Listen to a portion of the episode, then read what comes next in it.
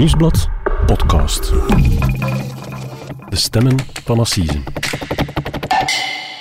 Hallo, mijn naam is Pieter Huibrechts, misdaadreporter bij het Nieuwsblad. En ik ben Mark Cliffman, journalist bij dezelfde krant. En dit is onze podcast Stemmen van Assise, waarbij we u voor elk belangrijk proces meenemen achter de schermen van de rechtszaal. En deze week trekken we naar Dendermonde, waar een hulpverlener ontmaskerd werd als een seksueel roofdier. Een waanzinnig verhaal over een moordpoging aan de andere kant van de wereld.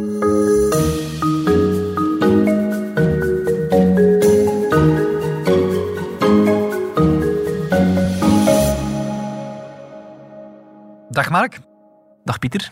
Mark, ik ben blij u terug te zien in onze studio. Dat is een tijdje geleden. Hè. Jij volgt voor ons de West-Vlaamse assisezaken. Uh, de vorige keer heb je het uh, Duivelskoppel-proces ja, gevolgd. Duivelskoppel. Uh, boeiend proces. uiteindelijk ook zware straffen voor de beschuldigden.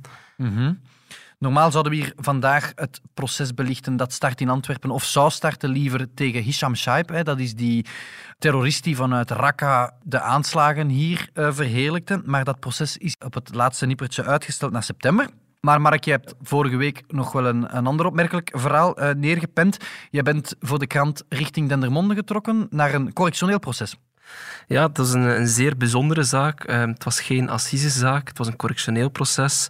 Maar met een iets andere afloop uh, voor het slachtoffer had het uh, net zozeer ook een assiseproces kunnen zijn. Ja, en als ik het goed begrijp, heb jij iemand gesproken die nooit eerder haar hallucinant verhaal heeft verteld? Nee, klopt.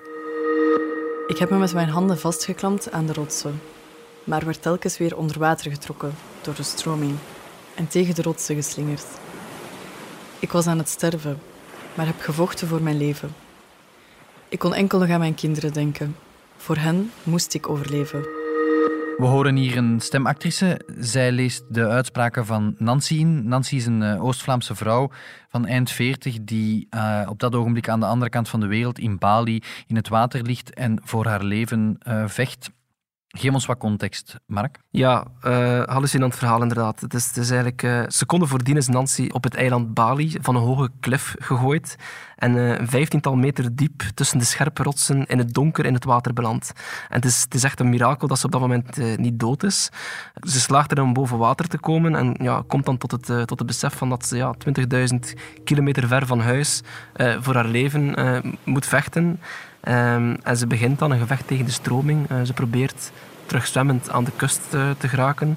En ze vertelt erover, ja, ik kon eigenlijk op dat moment uh, maar aan één ding denken. En dat was mijn kinderen. Ik moest, ik moest overleven voor hen.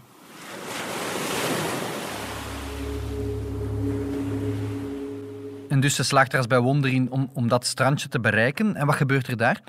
Wel, um, ze heeft daar eerst haar, haar verwondingen een beetje moeten... Uh... Is ze zwaar gewond? Wel, ze heeft een zware hoofdwonde opgelopen, maar ook een, een, gapende beenwonde. Ze heeft die dan eerst met haar onderbroek uh, moeten proberen uh, te verzorgen. Ondertussen was ze natuurlijk hulp aan het, aan het schreeuwen en ze had het geluk dat daar buitenlandse toeristen waren die haar, die haar daar aantroffen. Was in de buurt van een hotel of zo? Ja, dat was aan de kust. En uiteindelijk ze hebben hulpdiensten haar dan wel vrij snel kunnen overbrengen naar het, naar het ziekenhuis. Maar daar moest uh, twee keer geopereerd worden. En ze zat er eigenlijk, ja, moederziel alleen, heel ver weg van België. Um, en ze heeft dan ja, een, een goede week in het ziekenhuis moeten blijven daar. -hmm. De vraag die dan op mijn, mijn lippen ligt is van, ja, wie in godsnaam heeft daar van die, van die steile klif gegooid? Lokale gek of, of eerder iemand die er toen, hè, we spreken over 2019 als die feiten plaatsvonden, vergezelden op reis in Bali? Goh, je zou het eigenlijk zo erg niet kunnen verzinnen, um, maar de dader is dus haar kersverse bruidegom. Chris Pede was een, um, een hulpverlener -hmm. uh, van 49 uit het uh, Oost-Vlaamse Zeren. was een ja, stoere, afgetrainde kerel. En Nancy was daar uh, verliefd op geworden. En, en, ze waren net getrouwd? Ze waren vrij snel getrouwd. En dan, ja, na enkele weken, uh, zijn ze op huwelijksreis vertrokken. En toen is het uh, voor haar bijna fataal afgelopen. Mm -hmm. Klinkt als een verhaal van de, eerste echtelijke ruzie na enkele cocktails te veel onder de Balinese zon? Ja, nee, de, de realiteit is eigenlijk uh, veel erger. Uh, Chris P. die is ja, blijkbaar helemaal door het lint gegaan nadat Nancy hem ontmaskerd had als een pervert. En wat was er dan precies gebeurd? Wel, net voordat ze op huwelijksreis vertrokken, heeft de dochter van Nancy, een, een 15-jarig meisje, heeft verteld aan, aan haar moeder dat door Chris dat hij geprobeerd had om haar te misbruiken. Tijdens ons korte huwelijk bleek achteraf dat hij op twee dingen uit was: mijn geld en mijn 15-jarige dochter. Want enkele dagen voordat we op huwelijksreis zouden vertrekken, was ik erachter gekomen dat hij stiekem berichten naar haar stuurde en s'avonds naar haar kamer sloop om haar te betasten. Nancy heeft hem daarmee geconfronteerd en heeft dat allemaal afgedaan als, als kwatsch, als, uh, als onzin. Maar natuurlijk ik, las is dat... in uw, ik las in uw stuk het woord puberhormonen. Ja, zo heeft hij het blijkbaar afgedaan. Uh, maar dat is natuurlijk blijven hangen bij Nancy tijdens de reis. En ze heeft hem daar dan uiteindelijk opnieuw mee geconfronteerd. En toen moet de stemming helemaal omgeslagen zijn. Mm -hmm. Het is natuurlijk wel te begrijpen als moeder ja, dat, je, dat je niet laat afschepen als er zo'n zo'n zo'n verhaal op je afkomt. Hè. Het gaat, gaat per slot van rekening over incest. En ik kan me voorstellen dat zij zich de vraag stelde van ja, waarom zou mijn puberende dochter in godsnaam zoiets verzinnen? Ja, nee, dus ze was natuurlijk al met uh, behoorlijk wat uh, sceptisch naar uh, Bali afgereisd. zoiets vergeet je niet zomaar in 1, 2, 3. En dus ja, meer naar het einde van de reis toe volgde dan een nieuw gesprek, een nieuwe confrontatie van ja, hoe zit dat nu met, met, met, met hetgeen mijn, mijn dochter zegt. Um, als, ze heeft eigenlijk voorgesteld van ja, misschien moet je gewoon een leugendetectortest doen. Om het definitief, om het uit, te definitief uit te klaren. En toen, die avond, is de, de, is de, is de sfeer helemaal omgeslagen. Dus als ik het goed begrijp, Mark, dat, dat gesprek over die leugendetector, dat was op het einde van de vakantie. Wat ik me dan afvraag, hoe gedroeg hij zich in die dagen voordien dan? Wel, Nancy heeft mij verteld dat hij heel uh, normaal deed toen ze daar aankwamen. Dus ze hadden eerst dat gesprek gehad voor de reis. Uh, en toen heeft hij zich dan toch op een of andere manier willen bewijzen. Per slot van rekening zijn die twee op huwelijksreis. Ja, ja, hij gedroeg zich normaal en heeft, ze hebben dan leuke uitstapjes gedaan. En afhankelijk leek er dan niks meer aan de hand. Nu, hij liet Nancy wel een aantal vreemde dingen doen. Ze moest ze bijvoorbeeld uh, elke dag een, een, dagboek bijhouden, waarin ze dan eigenlijk moest vertellen of opschrijven van wat voor een fantastische man hij eigenlijk was en hoe lief hij was. En hoe en hij dicteerde dat of zo? Was hij dicteerde dat niet, maar hij, ja, het was zo, uh, hij, hij, verzocht haar dat eigenlijk om te doen. En ze vond dat eigenlijk ja, ook een beetje raar om te doen, maar goed, ze heeft zich daar niet zoveel vragen bij gesteld. Ze heeft dat dan gewoon gedaan. Maar vooral de stemming is helemaal dan ja, veranderd uh, tijdens die laatste avonden. Ja, ja. En dan die bewuste avond heeft hij haar meegetroond op een avondwandeling. Ja, maar ook dat is een beetje apart verlopen, want bijvoorbeeld, uh, er zijn ook rare dingen gebeurd. Hij heeft uh, voor het eerst zijn, zijn gsm in de kluis gelegd, dus voor ze vertrokken uh, op de wandeling. Iets wat hij normaal nooit deed. Hij was altijd onafscheidelijk van zijn gsm. Dat hij niet kon getraceerd worden. Dat is natuurlijk het vermoeden wat nu leeft. Hè. maar dus hij had zijn gsm niet bij. En Nancy die droeg ook altijd een heuptasje met al haar persoonlijke bezittingen, haar, haar, haar gsm, haar papieren. Mm -hmm. En ehm, hij heeft ook gezegd van, kijk, ik zal die wel dragen tijdens de wandeling. Ik zal die wel bijhouden. Dat was ook iets heel frappants. En had zij zin in die avondwandeling? Maar ze deden eigenlijk elke avond wel een wandeling aan een boulevard. Um, dat was op zich niks vreemds aan. Ze was ook op haar teenslippers, dus ze dacht niet van dat zal niet zo'n lange wandeling zijn. Mm -hmm. Maar nu uh, nam je haar mee dus naar, ja, naar een van de hoogste kliffen daar. Een, een route die eigenlijk niet de bedoeling was. Ik las in uw stuk dat ze hoogtevrees had ook. Ja, inderdaad. En, en ja, ze zag er eigenlijk helemaal niet zitten, maar hij nam haar dan toch mee. Um, hij kreeg haar zover en plots stonden ze daar uh, aan de kliffen. Ik heb hoogtevrees en werd superbang op die steile rotsen met het water 15 meter dieper. Ik nam hem vast, maar hoorde zijn hart heel snel tekeer gaan. Ik zei dat ik weg wilde, maar nog voor ik het besefte had hij mij al op de grond gewerkt. De pijn die ik voelde was niet te beschrijven. Heel mijn schedel lag open. Overal was er bloed. Ik zei: Wat doe je? Ik heb medische hulp nodig. Ik probeerde recht te strompelen, maar hij ging voor me staan en keek me recht in de ogen. En dan gebeurde het. Plots duwde hij me van de kliffen het water in. Dus zij valt daar meters diep in het water, uh, Mark. Zij, zij slaagt er als bij wonder in om, om naar, de, naar het strand te zwemmen. Wat doet hij op dat moment? Wel, ze ligt dan uh, op het strand en dan die, die buitenlandse toeristen ontfermen uh, zich over haar. Um, en op dat moment komt ook Chris P. aangelopen. Uh, hij loopt naar beneden. Hij loopt naar haar toe.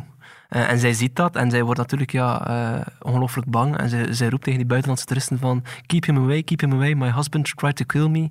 En dan is het uiteindelijk ook gebeurd. De politie is er dan bijgekomen. En hij is, op hij de is niet vlucht meer, hij is niet meer, ja, hij is niet meer uh, bij haar dan geraakt. Zij is naar het ziekenhuis overgebracht.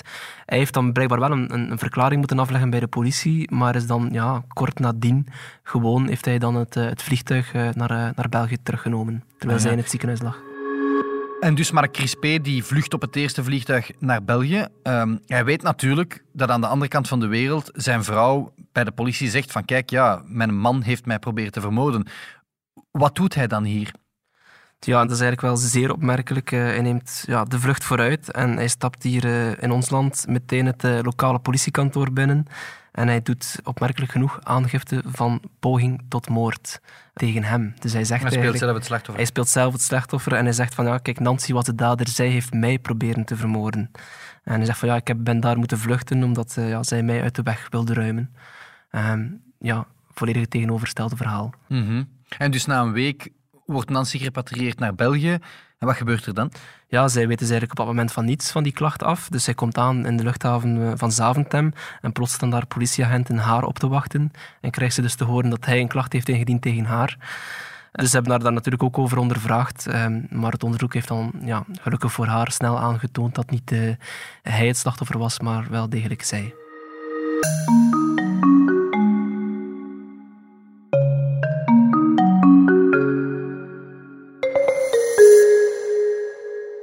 Het Oost-Vlaamse gerecht begint aan de levenswandel van Crispé uit te spitten en doet de ene na de andere waanzinnige ontdekking. Mark, vertel ons, wie is die man eigenlijk?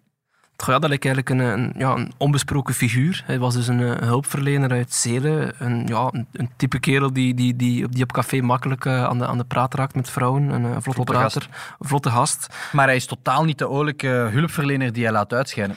Nee, in tegendeel. Hij blijkt dus eigenlijk uh, ja, een seksueel roofdier. Uh, er is grondig onderzoek nodig om dat, ja, om dat te achterhalen. Eh, want het grote probleem was een beetje dat er ja, geen enkel proces verbaal tegen hem was. Hij had een blanco strafblad. Hij had een blanco strafblad, omdat er ja, niemand klacht tegen hem indiende. Maar goed, de speuders zijn dan beginnen graven in zijn persoonlijk verleden en dan ja, is dan toch de, de beerput is, is opengegaan. En dat gaat dan doordat ze eigenlijk al zijn, zijn kennissen en zijn ex-vriendinnen beginnen op te lijsten en, en beetje bij beetje verder gaan. Ja, inderdaad. Dus, um, ja, bijvoorbeeld bij Nancy, die heeft aan de speuders verklaard dat hij, ja, dat hij ja, kikte op, uh, op, uh, op ruwe seks. En dat blijkt ook niet gelogen, want in het strafdossier uh, duiken ondertussen ja, veel meer getuigenissen van andere misbruikte vrouwen. Uh, een van hen kwam ook getuigen op het proces. Die noemde hij zijn, zijn prinsesje. Hij had die leren kennen op café. Ze was amper 18 jaar. maar zij moest ja, echt ja, ziekelijke fantasieën ondergaan op, op seksueel vlak. Zo heeft hij bijvoorbeeld de eerste letter van zijn voornaam um, in haar vagina gekerfd. Um, zeer, zeer ernstige feiten. In, in het dossier zat ook een getuigenis van iemand die zich omschrijft als zijn jarenlange seksslavin. Ja, klopt. En, en ook zij legt eigenlijk als geen ander de, de, ja, zijn, zijn handelswijze bloot. Uh, dus ja, zoals we al zeiden, ze is heel jaloers en bezitterig, maar ook gewiekst. Uh, die vrouw, uh, die werd dat weer vaak gefilmd en gefotografeerd tijdens de seks. En ja, zij durfde geen punt achter de relatie te zetten. Omdat hij haar chanteerde. Hij chanteerde, van, dan zei hij van ja, dan zal, dan zal ik die foto's en de filmpjes tonen aan uw familie, aan uw kinderen, aan uw baas. eigenlijk pure chantage. Uh, maar goed, op een dag vond ze dan toch de moed om de relatie te beëindigen. Ze eiste alle foto's op uh, en hij stemde dan zogezegd in. Uh, ze spraken hem af bij hem thuis, uh, maar dan, op dat moment is die vrouw eigenlijk ja, urenlang als, als, een, als een sekspop opgehangen in de garage. en is zij dus ook ja, zwaar misbruikt. Het gerecht heeft al die, die vrouwelijke slachtoffers in kaart proberen brengen. Op hoeveel slachtoffers zijn ze uitgekomen, Mark? Tijdens het proces uh, was er dan sprake van uiteindelijk een, uh, vijftal geïdentificeerde vrouwen. Dat zijn vrouwen die de moed hebben gevonden om... Die naar justitie zijn gestapt, die, die, die, die zich burgerlijke partij hebben gesteld. Mm Nu goed, ja, het lijkt niet ondenkbaar dat er misschien nog uh, slachtoffers zijn. Ehm, Nancy zelf is na afloop gecontacteerd door een twaalftal vrouwen die ja, gelijkaardige feiten hebben meegemaakt.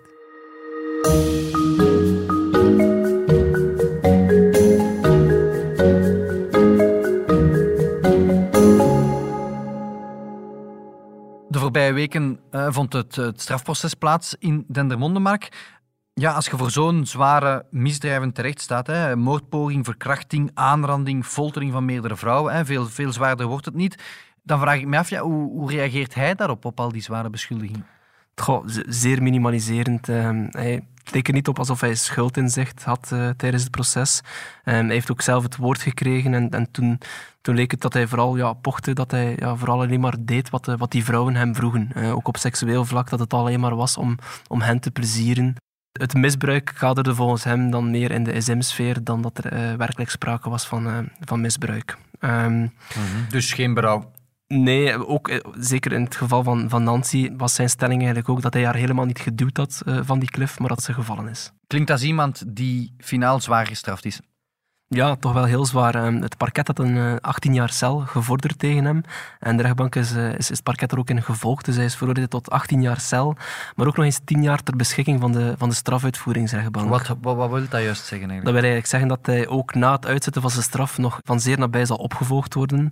En ze doen dat niet zomaar. Ze doen dat eigenlijk vooral omdat ja, de rechtbank uh, toch van mening is dat er ja, een, hoog gevaar voor uh, recidive is. Mm Wat staat er in het vonnis? Wel, de rechtbank spreekt eigenlijk uh, letterlijk, uh, zeggen ze van ja, kijk, de dader vernederde en misbruikte zijn slachtoffers. Hij beschouwde zijn partners als onderdanen die moesten gehoorzamen aan zijn wil. Het was eigenlijk een streamend vonnis. Mm -hmm.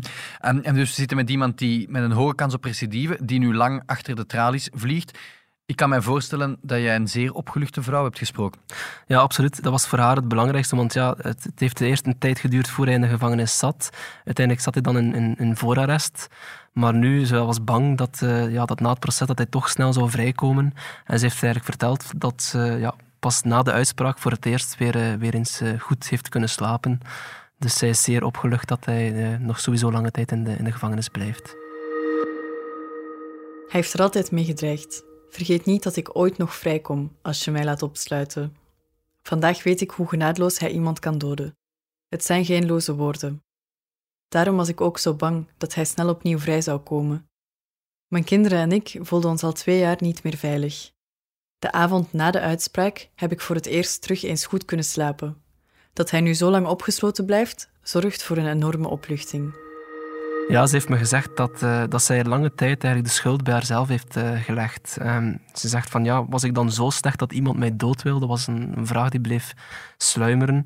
Um, maar goed, nadat dan al die uh, andere verhalen van andere vrouwen binnenkwamen, heeft ze ook wel beseft dat, dat alleen hij de schuldige is van dit alles.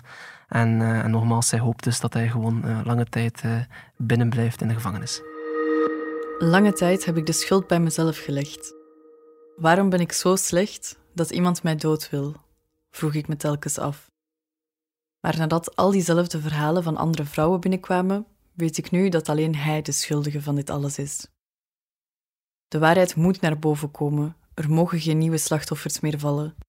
Ik heb zoveel meegemaakt, maar ik heb het overleefd en de moed gehad om het naar buiten te brengen. Ik hoop dat niemand zich laat vangen zoals ik, dat dit niet voor niets geweest is.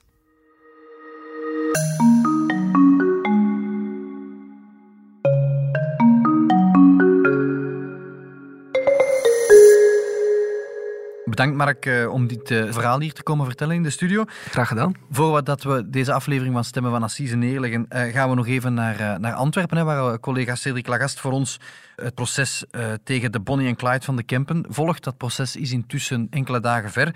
En ik heb hem eens even gebeld om te polsen hoe het daar aan het verlopen is.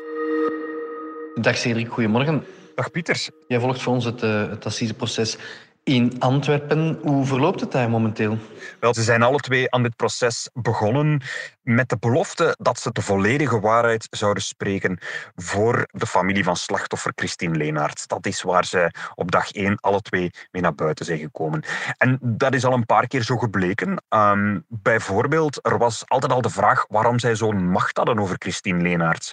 Waarom zij die gevangenisverpleegster drie dagen lang mee op sleeptouw kunnen nemen en, en die vrouw nooit geprobeerd heeft om te vluchten. Want er zijn een aantal mensen, getuigen, die hen hebben gezien en die zeiden, wel, er waren eigenlijk wel monumenten waarop dat ze kon vluchten. Um, de onderzoekers hebben hier ook bijvoorbeeld um, beelden getoond van bewakingscamera's van in de bankkantoren waar ze geld gingen afhalen van de rekeningen van Christine Leenaerts. En daar zie je dat dat niet gebeurt met het geweer in de rug van Christine Leenaerts. Die wandelt gewoon met hen mee de bank binnen.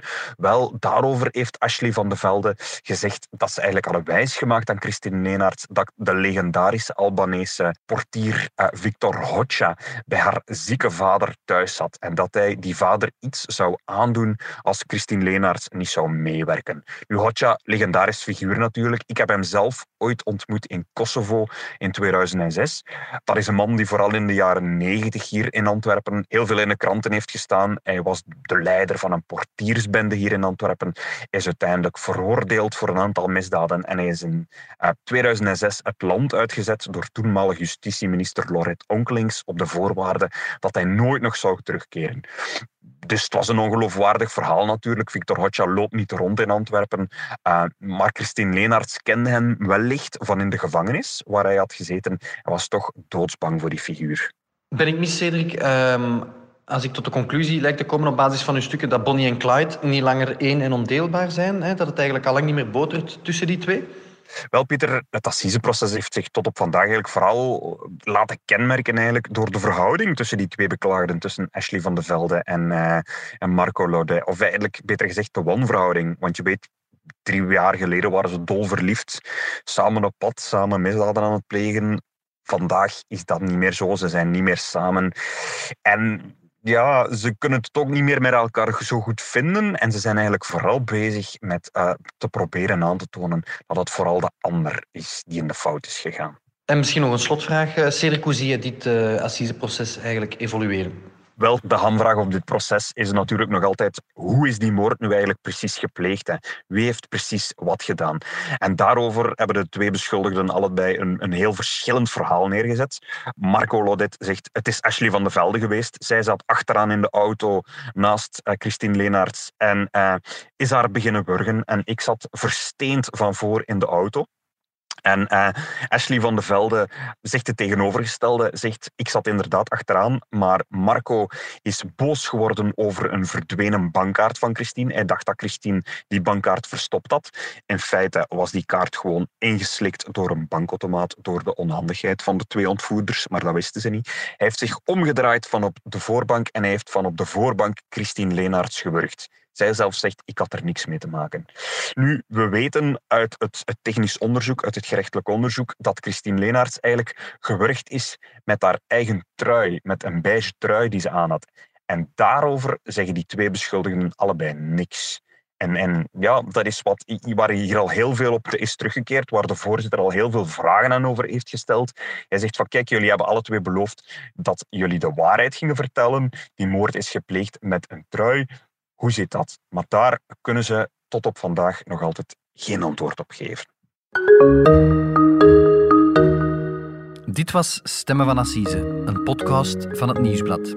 U hoorde Mark Cliffman en mezelf, Pieter Huibrechts. De audioproductie werd in goede banen geleid door Pieter Schreves en Tom Soetaert van House of Media. De productie was in handen van Bert Heijvaart en Eva Migon.